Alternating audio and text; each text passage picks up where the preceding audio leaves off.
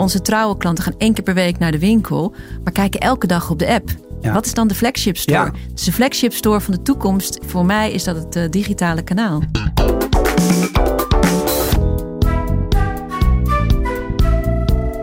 CMO Talk. Marketing bekeken vanaf het hoogste niveau. Hoi, leuk dat je luistert naar CMO Talk. Ik ben Klaas Wijma van eh, Energize en ik heb leuk nieuws. Want CMO Talk gaat internationaal. We zijn gestart met een nieuw Engelstalig seizoen... waarin we internationale CMO's aan de tand gaan voelen. De, ja, je hoort het goed. Want eh, samen met mijn Britse co-host Adam Fields... ontrafelen de marketingstrategie van de absolute grootheden in marketing.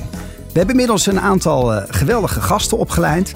En je kan je abonneren via cmotalk.net. Dat is de Engelse site cmotalk.net. Nou, in deze 69ste aflevering ga ik in gesprek met eh, de marketingbaas van eh, de Bijenkorf, Marjolein Meijnen. En je stond al heel erg lang op mijn eh, verlanglijstje, Marjolein. Marjolein werkt inmiddels vijf jaar bij, of bijna vijf jaar voor het Luxe Warenhuis. En voor de Bijenkorf was ze hoofdmarketing en communicatie bij het Rijksmuseum. Een functie die ze met veel verven bekleedde. En ja, de Bijenkorf, onderdeel van de Britse Selfridges Group, kun je met recht toch wel het meest luxueuze en misschien ook wel prestigieuze warenhuis van, van Nederland eh, noemen. En ja, midden in de coronapandemie vierde het haar 150ste jarige bestaan vorig jaar. En inmiddels kent de retailer nog zeven fysieke premium store. Maar ja, zet volop in. Zowel op de webshop als eh, internationaal. Dus naast in Nederland actief in België, Duitsland, Frankrijk en sinds kort ook Oostenrijk. En ja, dat brengt mij tot eh, het thema waar ik graag met Marjolein over wil hebben vandaag. Hoe borgt de Bijenkorf haar ja, echt premium klantbeleving, wat we allemaal kennen? Nu het bedrijf zich eh, steeds meer richt op, eh, op e-commerce. Ja, en hoe zorg je voor die uniforme klantenervaring, zowel on- als offline? In binnen- en buitenland. Nou, je hoort het het komende half uur in deze aflevering. Marjolein, van harte welkom bij eh, CMO Talk. Ja, leuk om hier te zijn. Hoe gaat het met de Bijenkorf? Na drie keer een lockdown inmiddels. Nou, met de Bijenkorf gaat het ook heel goed. Kijk, het is natuurlijk ontegenzeggelijk een heel uitdagend jaar geweest. 2020 zouden we, bestonden we 150 jaar, dus nu 151 jaar. We hebben een jaar lang toegewerkt eh, naar die verjaardag. Een hele nieuwe eh, tv-campagne opgezet. Een eh, geweldig feest stond in de planning op eh, 23 maart eh, 2020. Exact 150 jaar nadat wij waren ingeschreven bij de Kamer van Koophandel in Amsterdam. En daar hadden we eh, 500 topklanten voor uitgenodigd. Om dat samen met onze klanten te vieren. Maar een week eerder eh, moest de winkel dicht. En moesten we eigenlijk ons hele plan omgooien. We moesten nieuwe campagnes bedenken. Veel meer op digitaal. En in de loop van het jaar hadden we inderdaad, wat je zegt, nog een aantal keer een tegenslag. Ik moet zeggen, de eerste lockdown hebben we ontzettend veel geleerd op het gebied van eh, digitalisering. Hoe bereik je dan toch die klant? Toen we in mei weer open gingen, ging het eigenlijk best wel heel goed. Want mensen hadden zes weken binnen gezeten. Ook niet zoveel geld Ja, mensen uitgegeven. wilden weer, Ja, toch? Die Ja. gingen lekker shoppen. Dus het was eigenlijk best wel een mooie voorjaar en zomer. En ook veel toeristen dan uit de omringende landen. Toen moesten we helaas in augustus weer de winkel in Amsterdam dicht doen.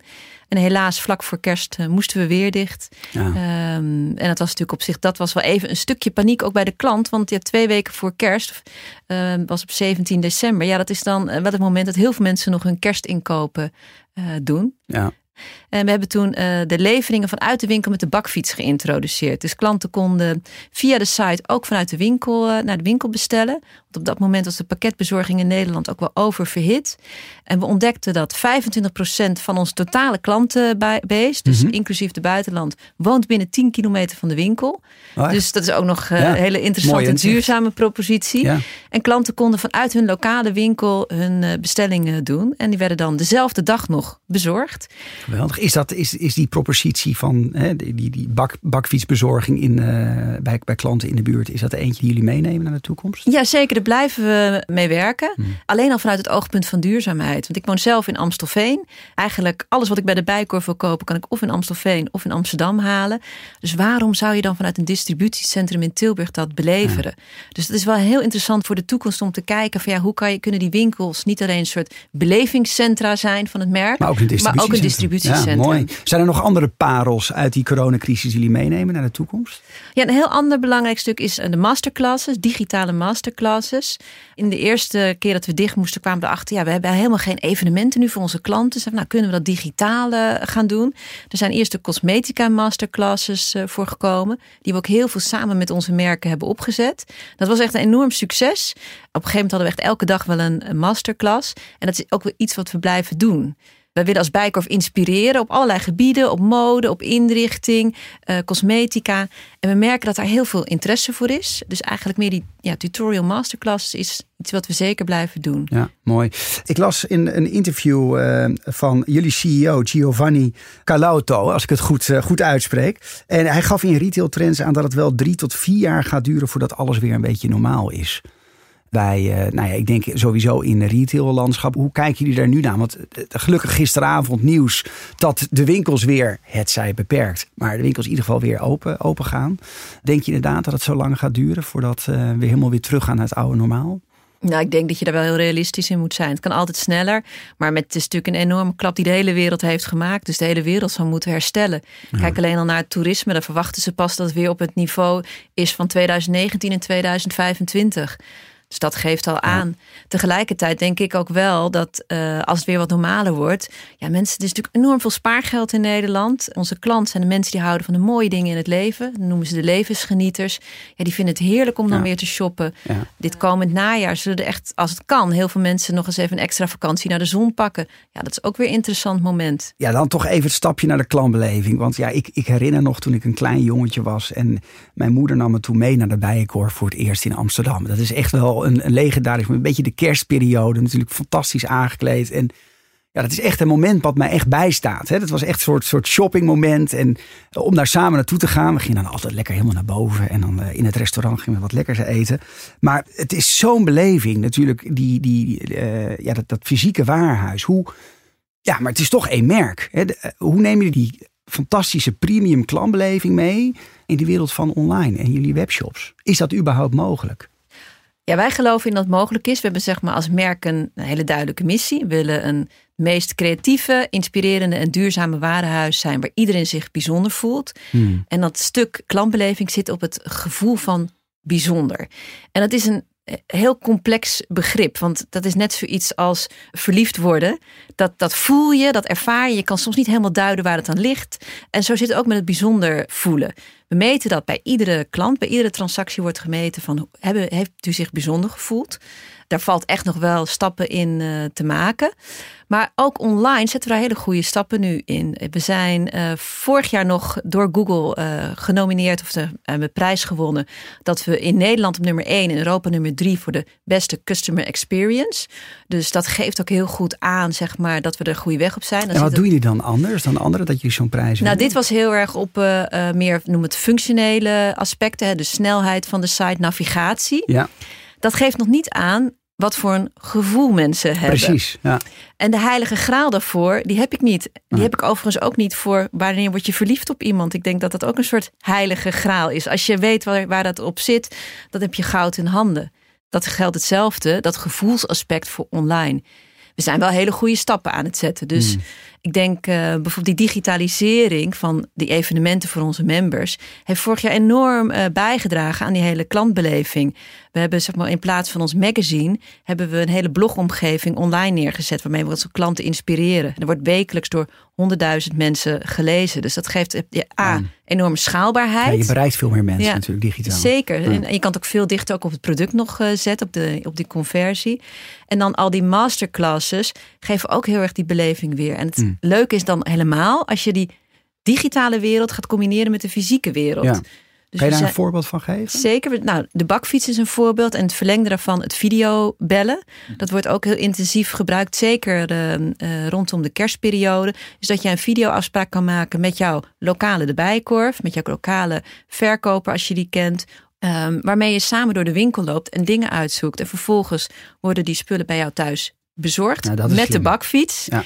Uh, kan je thuis even kijken of het past en wordt het ook weer opgehaald. Ja, en dan verbind je eigenlijk het digitale met het fysieke. dan wordt het eigenlijk hybrid shopping. Zeker. Is dat misschien wel de toekomst Ik voor de Bijenkorf? Ja, hier, daar geloof ik absoluut Ja. in. Dus het, is, het, het zou niet alleen maar 100% pure online speler zijn. Je gelooft altijd wel dat er een plek is voor een, eh, voor een fysieke winkel. Ja, wij, wij zijn ontstaan vanuit de brick stores. Daar geloven we ook heel erg in.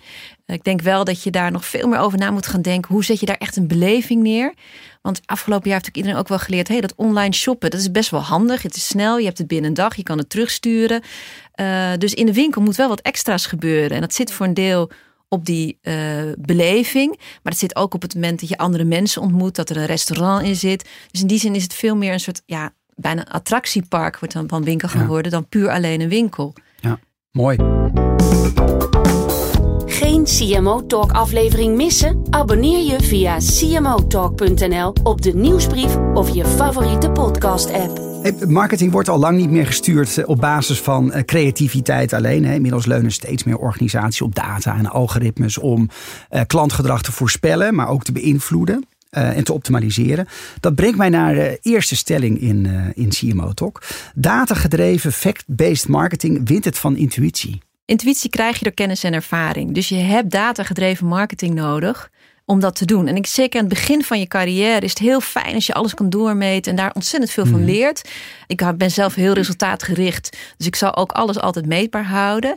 Maar intuïtie gaat voor mij een stap verder. Dan heb je die kennis en ervaring en dan heb je een soort eh, zintuigelijk waarnemen. Dat is eigenlijk wat intuïtie in het Latijn betekent. Ja. Dan kan je dat, dat naar een hoger niveau trekken. Ik ben het er wel mee eens. Data-gedreven marketing eh, wint het wel van instinct. En Ja. instinct is dat je op basis van gevoel als een soort dier reageert van oh, dit gebeurt er, ik ga dat nu doen. Ja. Nee, dan denk ik even terug naar de feiten. En in de loop der jaren ontwikkel je intuïtie. Ja, maar die intuïtie, als je dan echt puur stuurt op, op intuïtie, hè, dus de, de andere kant van de medaille. Ja, volgens mij zijn er steeds meer organisaties echt wel eh, de marketeer of in de boardroom. Ja, moet natuurlijk uiteindelijk wel eh, zijn, zijn uitgaven goed kunnen overleggen en verantwoorden richting die CMO. Dus er ligt natuurlijk ongelooflijk veel druk op het boeken van resultaten. Dus de tijd van alleen maar sturen op intuïtie, buikgevoel is wel voorbij. Je zegt eigenlijk, het gaat echt om die, om die combinatie. Dus echt fact-based, data-driven. Dat is belangrijk, maar stuur ook nog wel op, eh, op je, je creativiteit en je buikgevoel. Ja, mijn, mijn visie is dat de marketeer van de toekomst moet een soort Leonardo da Vinci zijn. Dus dat je zeg maar en die empirische onderbouwing hebt hè, op basis van data. Leonardo da Vinci was in de eerste plaats een Een wetenschapper. wetenschapper, ja. En in tweede plaats dat je die verbeeldingskracht laat zien. Een kunstenaar, dat je nieuwe perspectieven. En als je die twee dingen samenbrengt. En er komt nog een derde punt bij. Leonardo da Vinci heeft ontzettend veel geschreven over zeg maar, de mens en het gedrag van de mens. Het storytelling.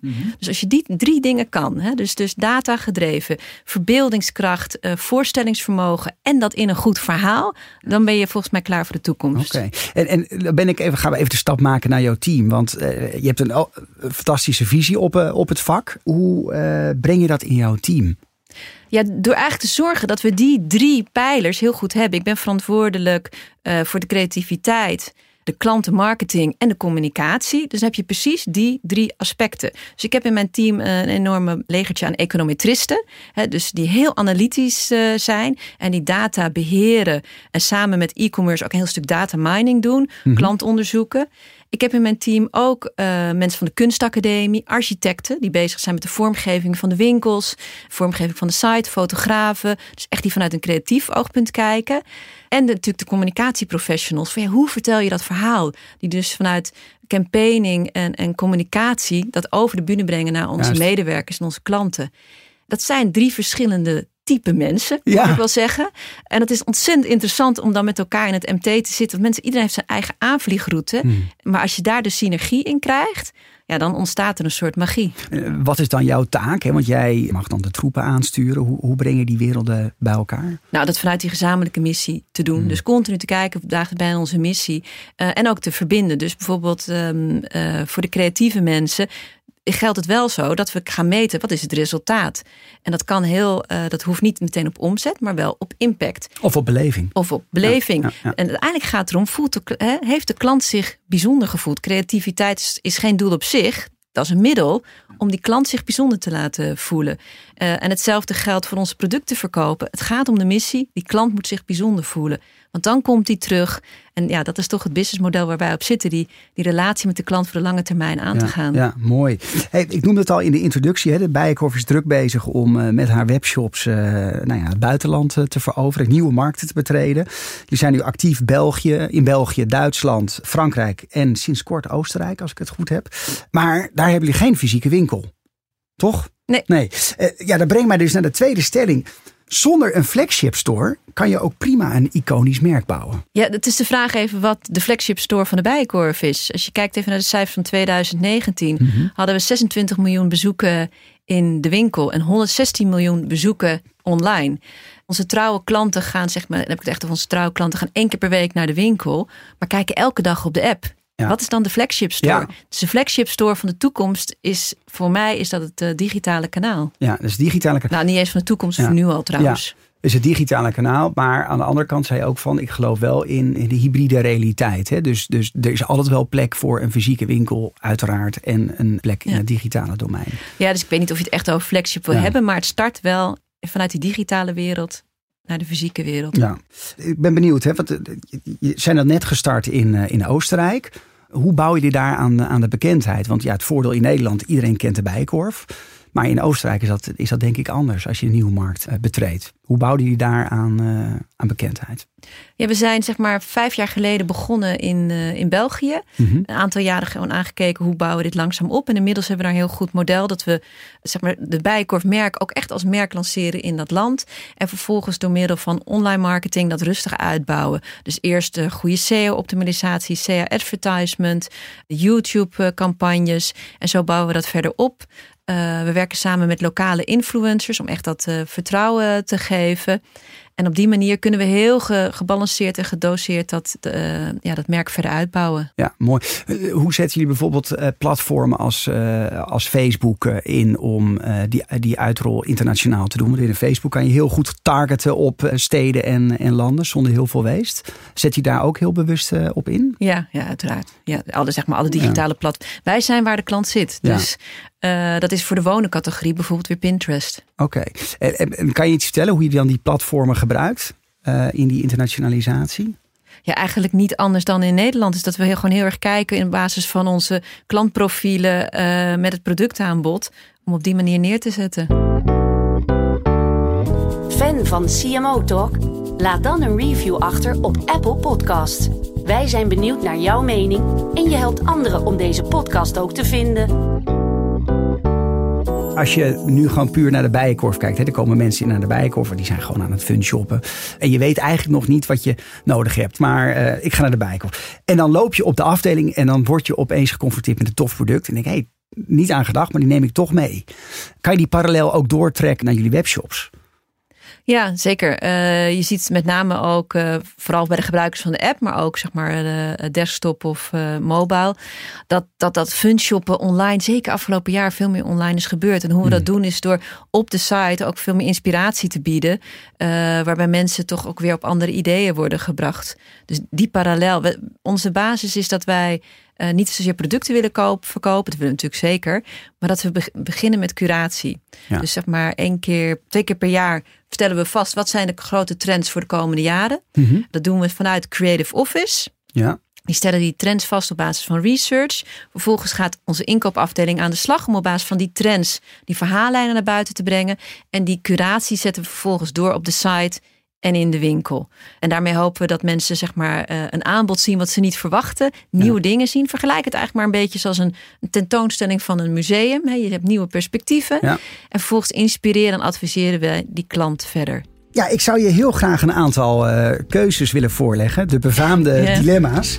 En uh, ja, ik wil graag dat je uh, steeds één van de twee kiest. En na, na afloop kunnen we een aantal uitpakken om, om over door te praten. Oké? Okay? Is goed.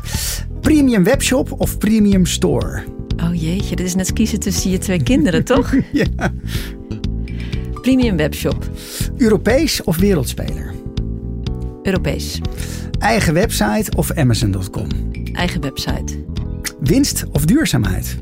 Duurzaamheid. Harrods of Lafayette? Lafayette. Kijk, heb je er eentje die je graag wil toelichten? Uh, winst of duurzaamheid? Oké, okay, vertel. Ja, laten we wel wezen, we zijn gewoon een bedrijf, dus het moet gewoon gaan om de winst. Maar zonder duurzaamheid geen toekomst. Dus daarom uh, zetten wij daar volop in. Hmm. Uh, dat, Wat doen jullie dan? Uh, nou, we hebben zeg maar een vrij ambitieuze doelstelling dat we in 2025 alleen nog maar duurzamere merken willen verkopen. Uh, dus 100% van de merken die we aanbieden moeten dan duurzaam zijn. Wow, dat is echt al snel. Dat is gewoon binnen ja, vier jaar. Dat is binnen vier jaar. En dat doen we samen met de Selfridges uh, groep voor een uh, groot mm deel. Waarbij we echt onderdeel van die verandering willen zijn. Want kleding is gewoon, zoals je weet, nummer twee vervuilende industrie van de wereld. Dus ja. er moet echt wat veranderen. We hebben daar een heel systeem voor opgezet, op basis waarvan we de merken uh, beoordelen, samen met de Sustainable Apparel Coalition. Uh, en we zijn echt al twee, drie jaar geleden begonnen met die gesprekken van luister, als je dit niet op orde hebt in 2025, stoppen we ermee. Ja. Uh, dus het is best wel een spannend gegeven hoe zich dat gaat ja. uitpakken. En los zeg maar van dat productaanbod kijken we natuurlijk ook naar de hele infrastructuur, de shopomgeving, de logistiek. Dus dat, is, dat zijn andere pijlers waar we op werken. Maar met name dat duurzamere aanbod is voor ons super belangrijk. En wat goed is om te zien, als je nou kijkt wat heeft nou, heeft een aantal trends die door de coronacrisis zijn versneld. Een mm. daarvan is duurzaamheid. 80% van onze klanten geeft inmiddels aan hoe belangrijk een duurzaam uh, product is bij hun aankoop. Dus dat betekent dat uh, ja, wij nu ook wel echt tempo moeten maken om ja. de klant bij te gaan houden. En, en, hoe laten jullie dat zien? Hoe weet ik als consument of, of mijn aankoop inderdaad duurzaam was? We hebben zeg maar in de bijkorf en ook op de site zie je een groen bijtje. Dat is een mm -hmm. duurzamere keuze. Dan kan je ook achtervinden waarom het een duurzamere keuze is. Kan je op de site vinden. Um, en we hebben nu in de winkel ook een groene studio, waarbij we de duurzamere merken bij elkaar zetten en dat verhaal nog wat meer vertellen. Mooi. Dat, maar die duurzame studio is natuurlijk nu tijdelijk, want in ja. 2025 moet de hele winkel een duurzamere Precies. studio zijn. Als je één zou moeten kiezen, hè, uh, welk warenhuis benchmark je graag aan als bijkorf? Ja, de Parijse warenhuizen hebben natuurlijk wel heel veel smaakgevoel ook. Mm -hmm. En ook een enorme klantbeleving. Uh, als je kijkt, uh, wat ik heel gaaf vind aan, aan Selfridges, is dat ze heel veel lef tonen. Mm -hmm. uh, dus met de Project Earth, zeg maar vorig jaar, hebben ze heel veel lef getoond om echt die boodschap heel prominent naar voren te brengen. Ja. In de vorige aflevering had ik Charlotte Zelders te gast, CMO van de ANWB. En zij heeft een, een vraag voor jou. Uh, wij zijn beide organisaties met ja, veel data waarin loyaliteit een belangrijke rol speelt. Dus uh, ook vanuit de bijkorfkaart verwacht ik uh, veel informatie over, over hun klanten. Ja, op dit moment zijn thema's als personalisatie, aangaan van partnerships, gamification zijn actueel in het verder ontwikkelen van loyaliteitsprogramma's. Maar ik ben, ik ben wel benieuwd wat, uh, wat Marlijn als toekomstige thema's ziet die gaan spelen als je nadenkt over de toekomst van, van loyaliteit uh, voor de bijkorf. Nou, laat ik beginnen dat ik helemaal niet geloof in loyaliteitsprogramma's. Ik denk als je een sterk merk bent, dan heb je helemaal geen loyaliteitsprogramma nodig. Dus het is eigenlijk per definitie een zwaktebod.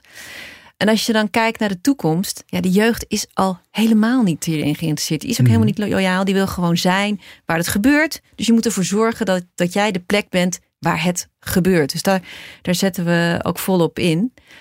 Nou, tegelijkertijd heb je natuurlijk wel een soort mechanisme nodig om die klantdata te krijgen. Dus voor ja. ons is het ook meer een soort ja, contractafspraak met de klant van hey, uh, word je member van de Bijenkorf. Precies. Dan deel je met ons data, maar dan krijg je wel allerlei dingen voor terug.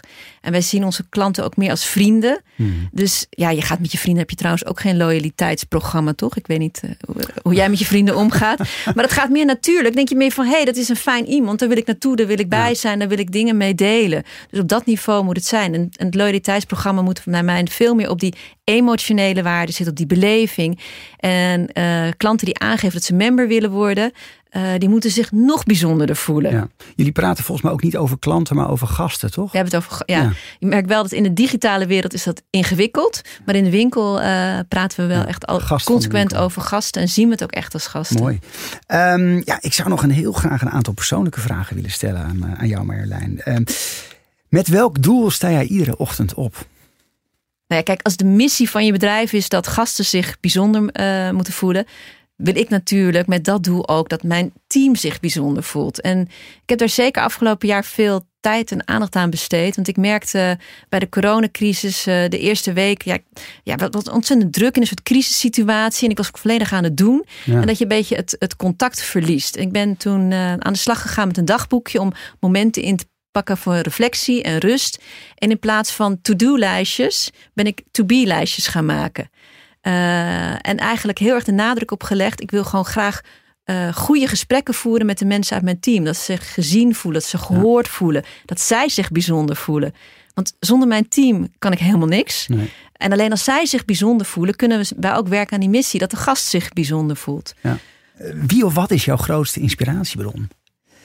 Ja, dat zijn heel verschillende mensen. Ik ben heel resultaatgericht, dus ik leef heel erg in het nu. Ik hou ook heel erg van meten, van oké, wat gaan we doen? Wat is doelstelling? Wat is impact? Waar staan we? Dus ik kan heel erg geïnspireerd worden door mensen die juist andere perspectieven laten zien. Een nieuwe perspectieven. Mm. Uh, die heb ik gelukkig heel erg ook in mijn team. Uh, op allerlei vlakken. En uh, dat waardeer ik ook echt enorm. Als ik één iemand, zeg maar, uh, wat me met name de laatste jaren dat ik heel erg heb geleerd, is de hele discussie over diversiteit en inclusiviteit. En die speelde al een jaar of tien geleden, begon dat in het Rijksmuseum. En de toenmalige hoofdgeschiedenis, Martine Gosselink, die was daar heel fel op. En eerlijk gezegd moet ik nu zeggen, van, ik dacht toen, dat is toch helemaal geen, wat is het probleem? Ja. En zij heeft dat echt met vooruitziende blik. Heeft ze bijvoorbeeld de tekstbordjes veranderd. Uh, nou, die Zwarte Pieten discussie. Um, uh, ja, toch dat hele slavernijverleden. Uh, dat is voor mij persoonlijk een enorme nieuw inzicht. Maar ook nu die uitrol naar de nieuwe Europese landen. Dat was echt een visie van Giovanni vijf jaar geleden. Ja, vind ik echt geweldig.